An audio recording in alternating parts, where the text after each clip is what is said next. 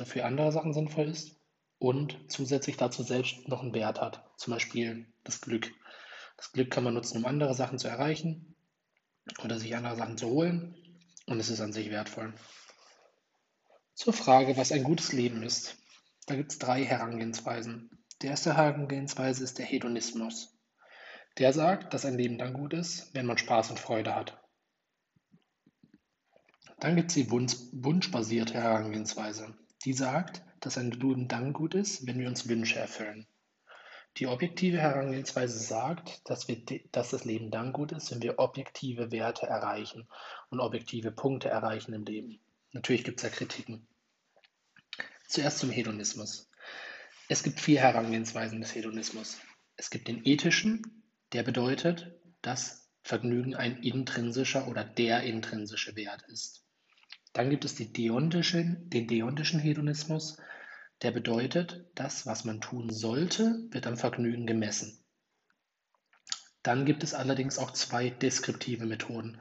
Zum einen den psychologischen, der, der sagt aus, dass Menschen auf das Vergnügen achten, wenn sie ihre Handlungen wählen. Und es gibt den motivationalen, der bedeutet, dass Vergnügen Handlungen motiviert.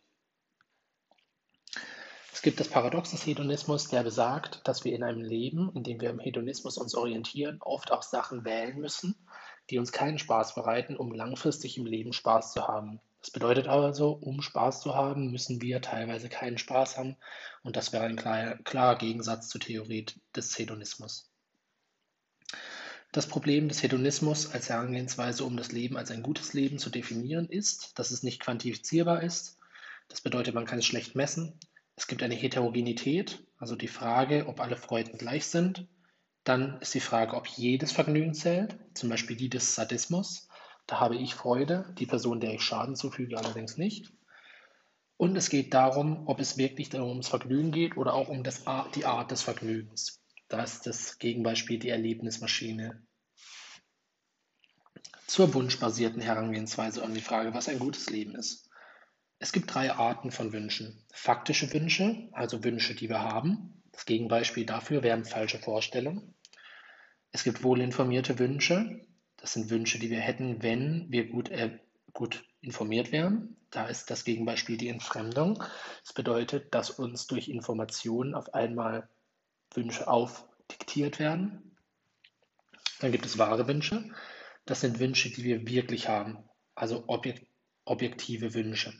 Da gibt es aber auch objektiv schlechte Wünsche. Das heißt, wenn mein Wunsch wirklich ist, Leuten Schaden zuzufügen, dann ist das kein guter Wunsch. Das Problem ist, Sachen sind nicht unbedingt wünschenswert, weil wir uns sie wünschen, sondern wir wünschen uns Sachen, weil sie wünschenswert sind und auch diese Sachen sind nicht unbedingt objektiv.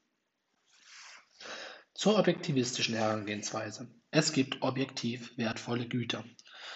Da ist aber direkt wieder die Entgegen die, die Gegenthese, die Frage, was wir denn sagen, das objektiv gut ist und dass wir den Leuten vorschreiben, also paternalisieren, was die Leute, die Leute sich denn wünschen sollen. So, weiter zur Moralphilosophie. Die Frage der Moralphilosophie, wie sollen wir aus moralischer Sicht miteinander umgehen? Es gibt Moralische Urteile. Moralische Urteile geben Eigenschaften. Es gibt zwei verschiedene Urteile. Es gibt deontische Urteile, die sagen, ob Sachen geboten oder verboten sind, also erwünscht oder unerwünscht. Das sind aber sehr dünne Begriffe. Sie und sie meinen immer, dass es unmoralisch ist. Man kann diese Begriffe nicht steigern. Es gibt aber auch evaluative Urteile. Die bedeuten gut und schlecht. Wenn ich Sachen evaluativ beurteile, dann sage ich, diese Handlung ist gut oder diese Handlung ist schlecht. Das sind dicke Begriffe, sie haben einen moralischen Wert und die Steigerung ist möglich. Die Tugendethik befasst sich mit der Frage, wie man sein soll. Nicht wie man handeln soll, sondern wie man sein soll. Tugend und Laster spielen hier zentrale Begriffe, sind von zentraler Wichtigkeit. Wichtige Philosophen sind Anscombe, Foot und Aristoteles. Gehen wir zu deontischen Urteilen. Was ist moralisch geboten? Da gibt es drei Möglichkeiten. Die erste Möglichkeit des Egoismus, also die Frage, was bringt mir am meisten? Die zweite Möglichkeit des Utilitarismus, was bringt uns allen am meisten? Entsprechend ist das kein Egoismus. Diese zwei sind konsequenzialistisch. Das bedeutet, die Folgen hängen von intrinsisch guten Sachen ab. Es gibt aber auch die dritte Herangehensweise, die der Deontologie. Entspricht die Handlung gewissen Regeln, also es geht um die Handlung selbst und nicht um die Folgen. Hier ist zum Beispiel der Regelkonsequenzialismus eine Möglichkeit.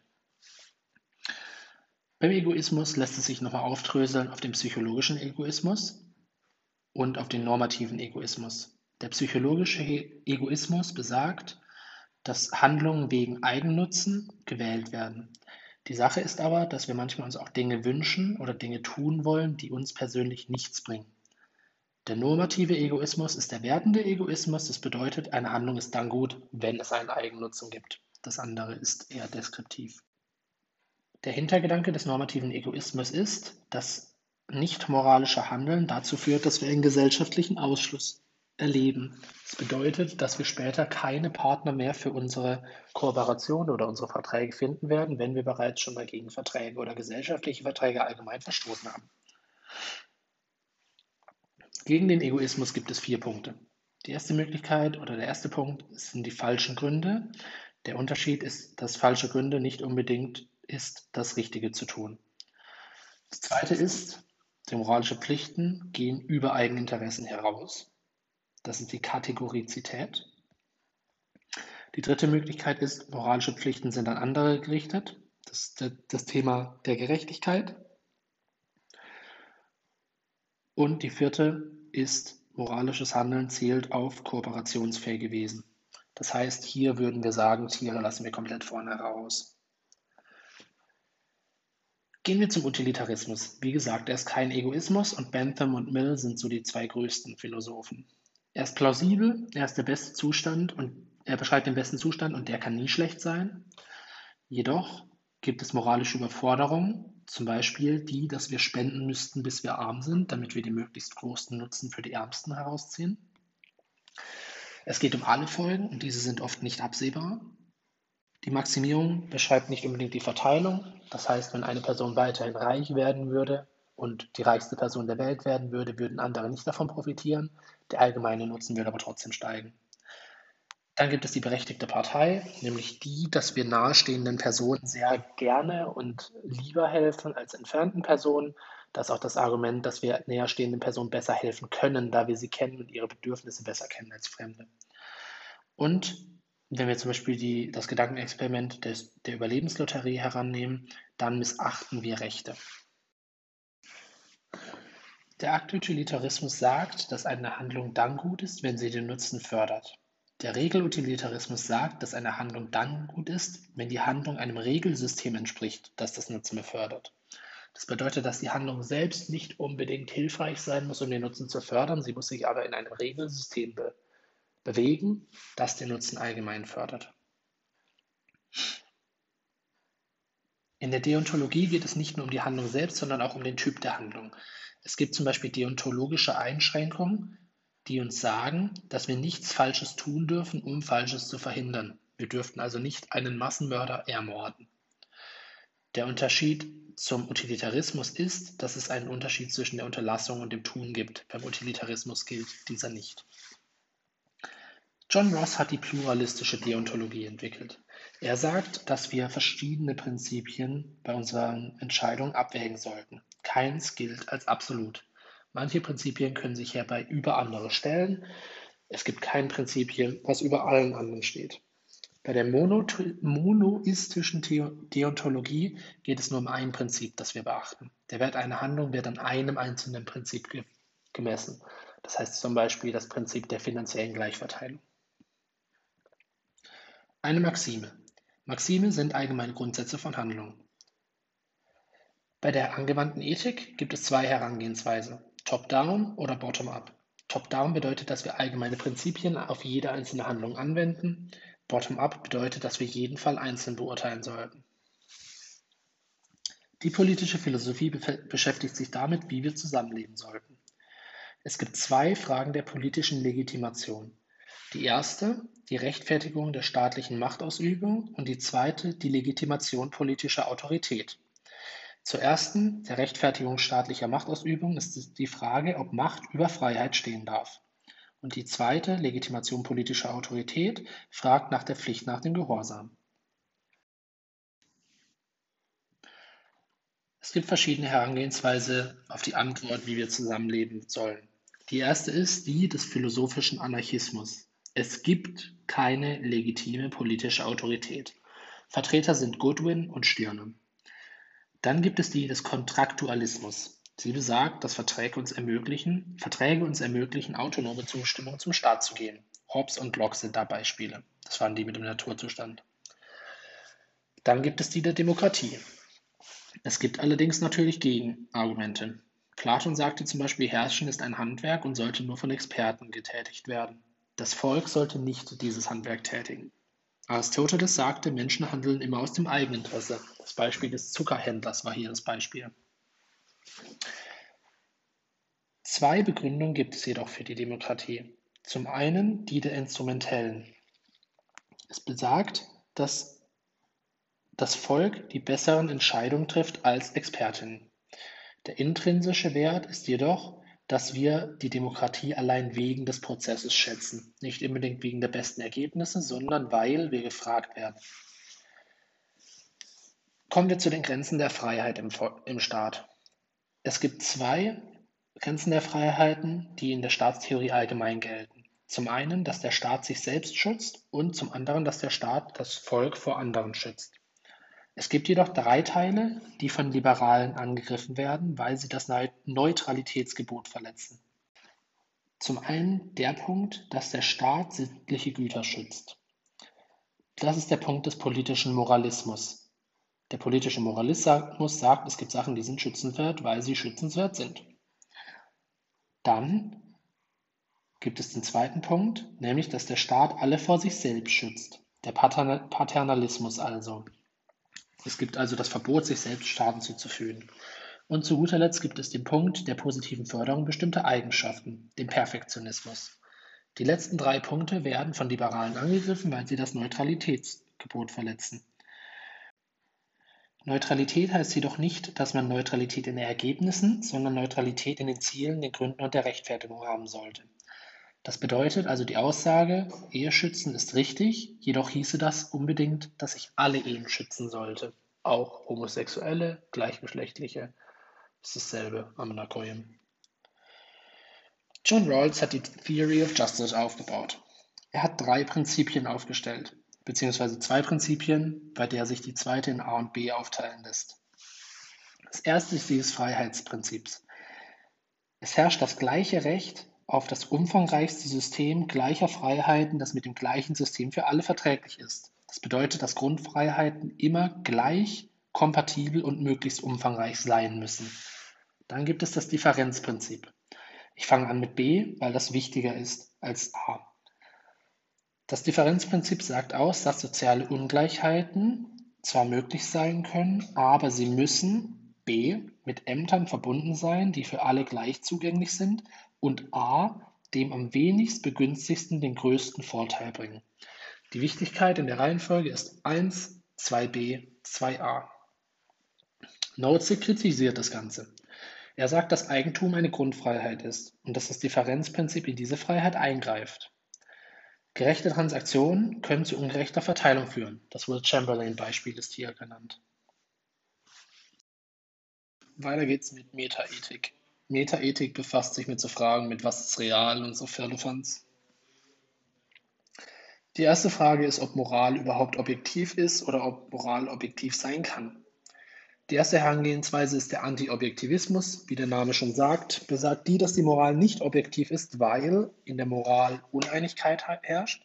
Bedeutet also, es gibt den Relativismus und weil sie sagen, moralische Urteile sind Projektion unserer Einstellung und unserer Empfindung. Das ist der Non-Kognitivismus. Es gibt im Folgenden noch den deskriptiven Realismus, der sagt, dass es Unterschiede in Moral zwischen Kulturen und Zeitpunkten gibt.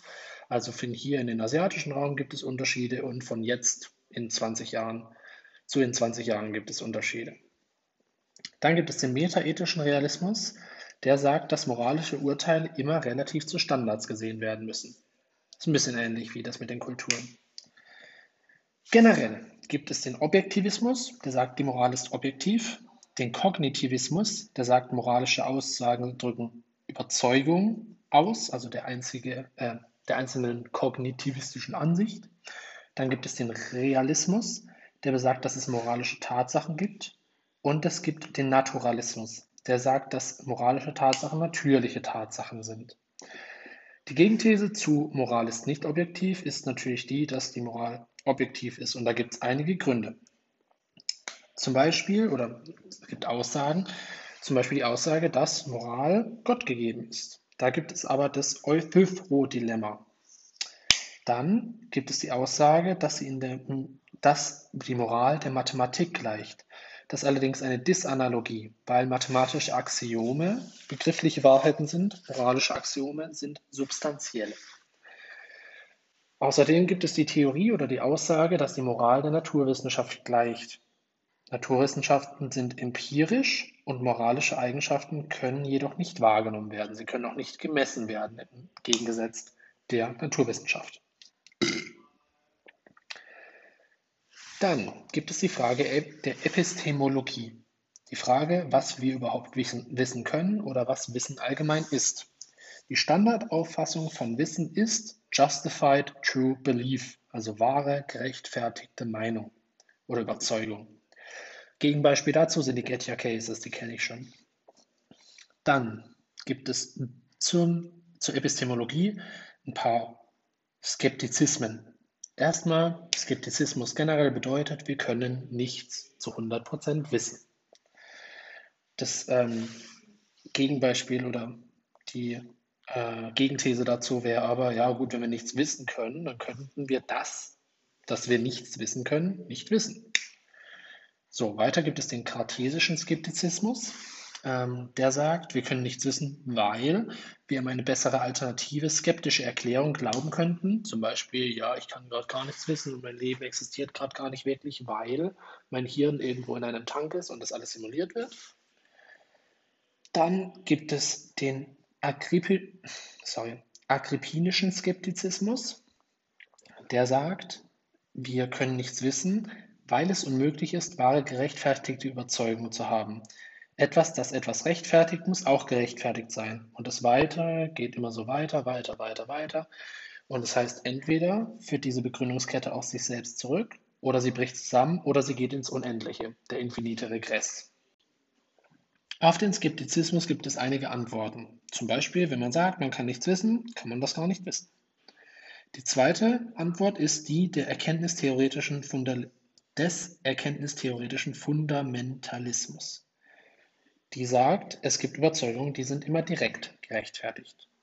Dann gibt es die Theorie des erkenntnistheoretischen Kohärentismus.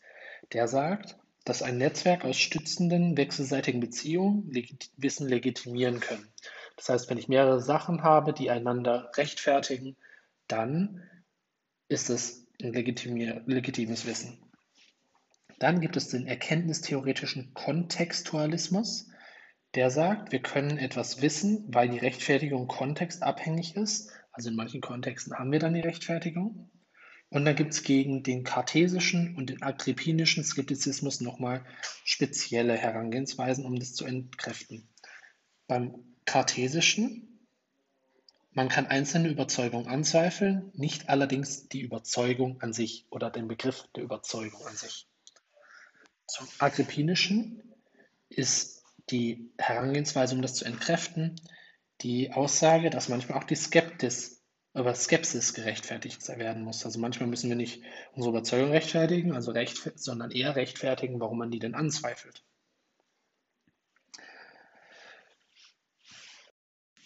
Zur Wissenschaftstheorie.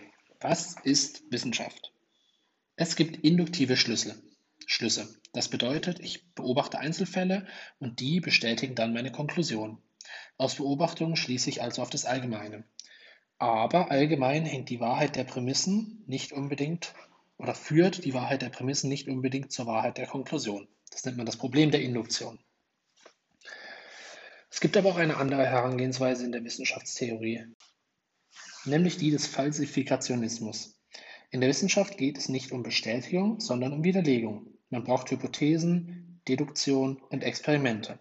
Das bedeutet, wir haben also ein neues Paradigma, das führt zur normalen Wissenschaft, dann führt es zu gehäuften Anomalien, also Beobachtungen, die das widerlegen würden. Dann gibt es die Krise der Wissenschaft und eine wissenschaftliche Evolution, und die führt wieder zu einem neuen Paradigma. Die philosophische Anthropologie und die Philosophie des Geistes. Es gibt eine Differenz zwischen der körperlichen und der mentalen Welt. Es gibt zwei Arten mentaler Zustände. Zum einen Empfindung. Die haben phänomenale Qualität. Es fühlt sich so und so an, etwas zu fühlen. Zum Beispiel Zahnschmerzen. Die unterscheiden sich zum blauen Fleck, den man bekommt. Dann gibt es aber auch propositionale Qualitäten, zum Beispiel Wünsche und Hoffnung. Die haben eine Intentionalität und einen propositionalen Gehalt. Die beziehen sich auch auf etwas. Das bedeutet, ich wünsche mir das. Punkt, Punkt, Punkt. Das ist auch ein mentaler Zustand und der unterscheidet sich natürlich zu Zahnschmerzen. Das Körper-Geist-Problem oder allgemein das Leib-Seele-Problem ist die Frage, wie etwas Nicht-Räumliches ohne Masse auf etwas Räumliches mit Masse einwirken kann. Das ontologische Körper-Geist-Problem sagt oder fragt, was für eine Art von Dingen geistige Zustände überhaupt sind. Im Dualismus wird besagt, wir bestehen aus Körper und Geist. Das sind verschiedene Dinge und es gibt eine Differenz zwischen den zwei. Im Physikalismus und Materialismus sagt man, der Geist lässt sich auf das Physische reduzieren. Das bedeutet, es gibt eine kausale Wechselwirkung zwischen den zwei. Es gibt Substanzen und Eigenschaften. Substanzen sind Dinge, die Eigenschaften haben, aber keine Eigenschaften sind. Zum Dualismus generell. Es gibt vier Positionen im Dualismus. Die erste, Substanzdualismus. Es gibt zwei Substanzen, physische und geistige. Geistige sind Träger mentaler Zustände und Eigenschaften. Die zweite Position, Physikalismus. Es gibt nur physische Substanzen und sie sind der Träger mentaler Eigenschaften. Die dritte, der Eigenschaftsdualismus. Mentale Eigenschaften sind eigenständig. Sie können nicht auf physische Eigenschaften reduziert werden. Und zu guter Letzt der Eigenschaftsphysikalismus. Mentale Eigenschaften können auf physische Eigenschaften reduziert werden.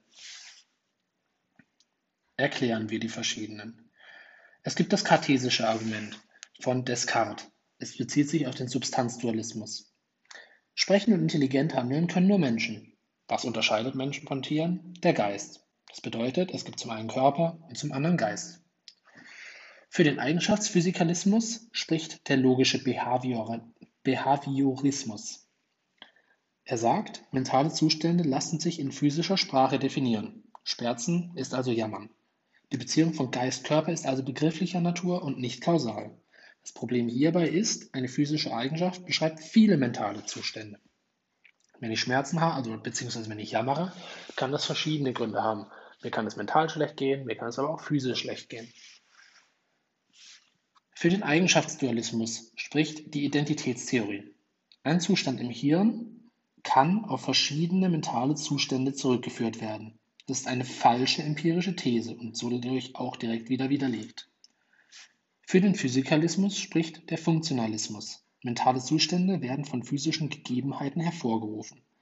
Der Einwand ist, Farben und vertauschte Qualia, zum Beispiel Schmerz als Freude wahrnehmen. Das bedeutet, dass bestimmte physische Gegebenheiten andere mentale Zustände hervorführen könnten. Die Qualia spricht grundsätzlich gegen den Eigenschaftsphysikalismus, denn Empfindungen haben, wie schon gesagt, phänomenale Qualitäten. Vor, ähm, Einträge dazu sind What It's Like to Be a Bat von Thomas Nagel und Mary von Frank Jackson. Weiter gibt es noch den Akkordeon-Effekt, der bezieht sich auf Handlungen und der sagt aus, Handlungen können immer auf andere Handlungen aufgebrochen werden. Es wird gedehnt. Um Handlungen soll es auch im Folgenden gehen.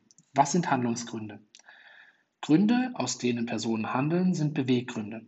Die psychologische Auffassung besteht darin, dass Beweggründe aus dem Wunsch eines Sachverhalts bestehen und der Überzeugung, dass eine Handlung diesen Sachverhalt hervorrufen würde. Das bedeutet also, wenn ich möchte, dass ich, dass ich in der Sonne bin und ich überzeugt bin, dass meine Handlung, jetzt durch die Tür zu laufen mich in die Sonne zu stellen, diesen Sachverhalt hervorrufen würde, dann würden diese zwei Sachen gemeinsam meine Beweggründe aufstellen. Die motivationalistische Auffassung sagt jedoch, Beweggründe bestehen aus dem Inhalt eines mentalen Zustands und dem Sachverhalt, der es wünschenswert, so oder so zu handeln macht.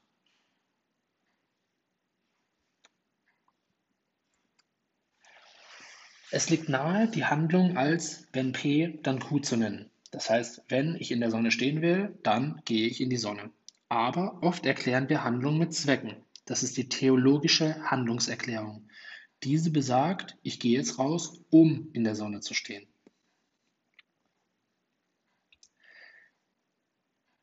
Davidsons Herausforderung ist ein Satz, der besagt oder fragt, was wahre Beweggründe auszeichnet, wenn sie nicht die Ursache einer Handlung sind. Das heißt, wenn eine Handlung von verschiedenen Faktoren abhängig ist, welcher dieser Faktoren ist dann mein wahrer Beweggrund?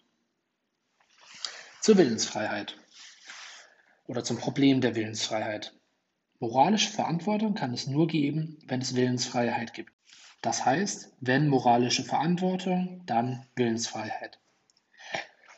Der Determinismus besagt, jedes Ereignis ist durch seine vorausgehenden Ursachen und Naturgesetze eindeutig und vollständig festgelegt. Es gibt zum Determinismus vier Herangehensweisen, die musst du können. Zum einen den Kompatibilismus. Determinismus und moralische Verantwortung bzw. Willensfreiheit sind vereinbar. Zum zweiten den Inkompatibilismus, der besagt das Gegenteil. Determinismus und moralische Verantwortung sowie Willensfreiheit sind unvereinbar. Dann gibt es den Libertarismus, der besagt, dass der Inkompatibilismus zutrifft und der Determinismus falsch ist. Folglich gibt es moralische Verantwortung und Willensfreiheit. Aber es gibt auch den harten Determinismus, der besagt, Inkompatibilismus trifft zu und der Determinismus ist wahr. Folglich gibt es keine moralische Verantwortung und Willensfreiheit. Zur Willensfreiheit oder zum Entscheidungsprozess gibt es das Libet-Experiment. Es war ein Experiment, in dem gesagt wurde, dass das neuronale Bereitschaftspotenzial bereits vorliegt, bevor wir eine Entscheidung treffen. Es hieße also, dass es den Determinismus stützt. Die Handlungsfreiheit. Man ist im Handeln dann frei, wenn man die Handlung ausführen kann, die man will. Zur Willensfreiheit. Man ist im Willen frei, wenn man den Willen haben kann, den man will. Frankfurt hat da ein Modell aufgebaut. Er sagt, es gibt Wünsche erster Stufe. Die beziehen sich auf Objekte. Dann gibt es Wünsche zweiter Stufe. Sie beziehen sich auf Wünsche. Wünsche, die zu einer Handlung führen, nennt man effektive Wünsche. Effektive Wünsche erster Ordnung nennt man Wille. Der Wunsch zweiter Stufe, dass der Wunsch erster Stufe effektiv wird, nennt man Volition zweiter Stufe. Oft stehen die Wunsch zweiter Stufe und der Wunsch erster Stufe jedoch im Gegensatz zueinander. Zum Beispiel der unfreiwillige Drogenjunkie. Kommen wir zur Metaphysik. Das erste Thema ist der Universalienstreit. Es gibt Dinge und es gibt Eigenschaften. Besteht die Welt jetzt aus Dingen oder besteht die Welt auch aus von Dingen losgelösten Eigenschaften, also Universalien? Der Nominalismus sagt, es gibt nur Dinge. Der Universalienrealismus sagt, es gibt Dinge und Universalien, also beides. Ockhams Rasiermesser ist ein Gegenbeispiel dafür. Man braucht keine zusätzlichen Eigenschaften, um zu erklären, wieso manche Dinge sich in einer Hinsicht ähneln. Quines Diktum besagt No entity without identity. Man darf Identitäten nur annehmen, wenn man ein Identitätskriterium für sie annimmt. Das heißt, ein Viereck existiert nur, wenn es vier Ecken hat. Was ist denn ein Gegenstand überhaupt? Die erste Herangehensweise sagt, sie ist die Summe seiner Eigenschaften. Das kann allerdings nicht sein, denn Eigenschaften brauchen Träger. Essentielle Eigenschaften muss ein Gegenstand haben, akzidentelle Eigenschaften können obendrauf kommen. Wenn es jedoch die Aussage, wenn die Aussage, ein Gegenstand ist die Summe seiner Eigenschaften, jedoch richtig wäre, dann gäbe es diese Unterscheidung zwischen essentiellen und akzidentellen Eigenschaften jedoch nicht. Leibniz Gesetz sagt, identisch sein heißt, dass alle Eigenschaften gleich sind. Wenn nicht alle Eigenschaften gleich sind, sind die Objekte verschieden und nicht länger identisch. Was macht eine Person aus? Die erste Möglichkeit ist der Körper. Eine Person 1 zu einem Zeitpunkt 1 ist identisch zu einer Person 2 zum Zeitpunkt 2, wenn der Körper identisch ist. Dann könnte man sagen, es geht um das Hirn. Eine Person 1, 1 zum Zeitpunkt T1 ist zu einer Person 2 zum Zeitpunkt T2 dann identisch, wenn das Hirn identisch ist.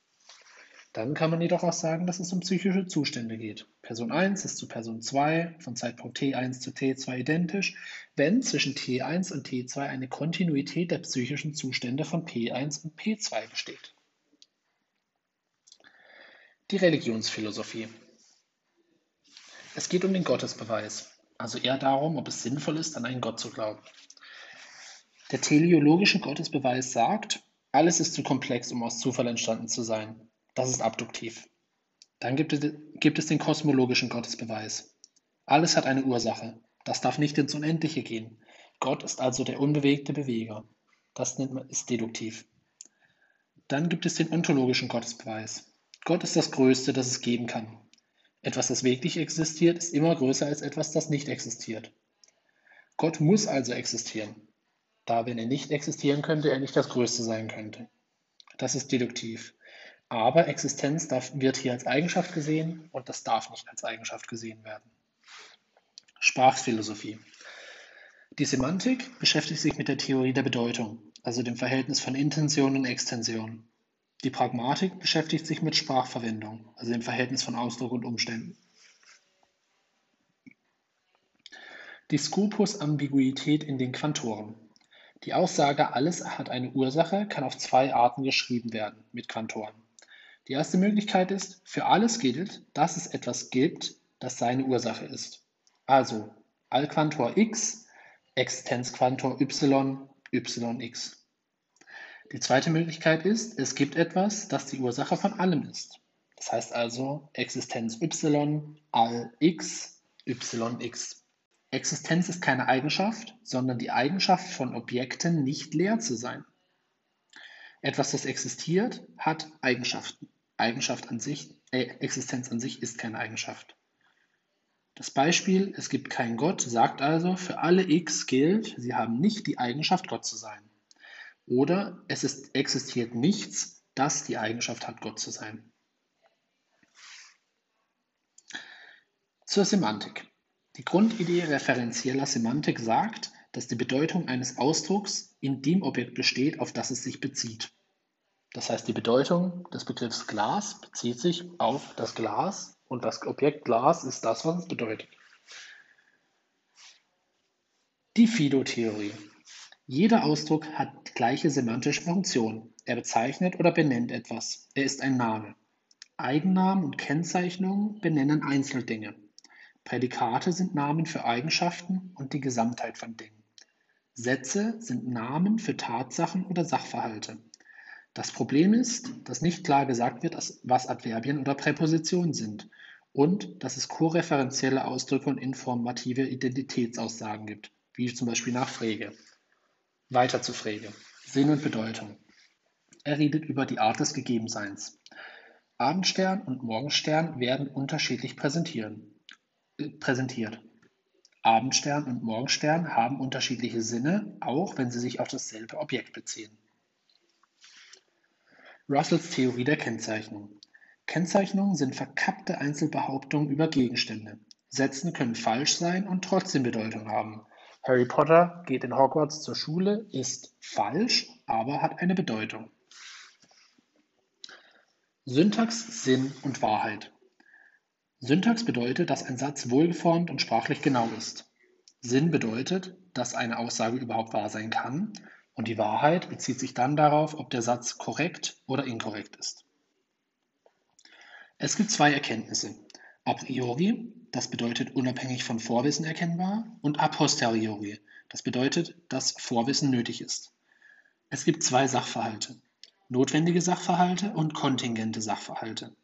Notwendige Sachverhalte sind Sachverhalte, die so sein müssen, wie sie sind. Ein Viereck hat vier Ecken.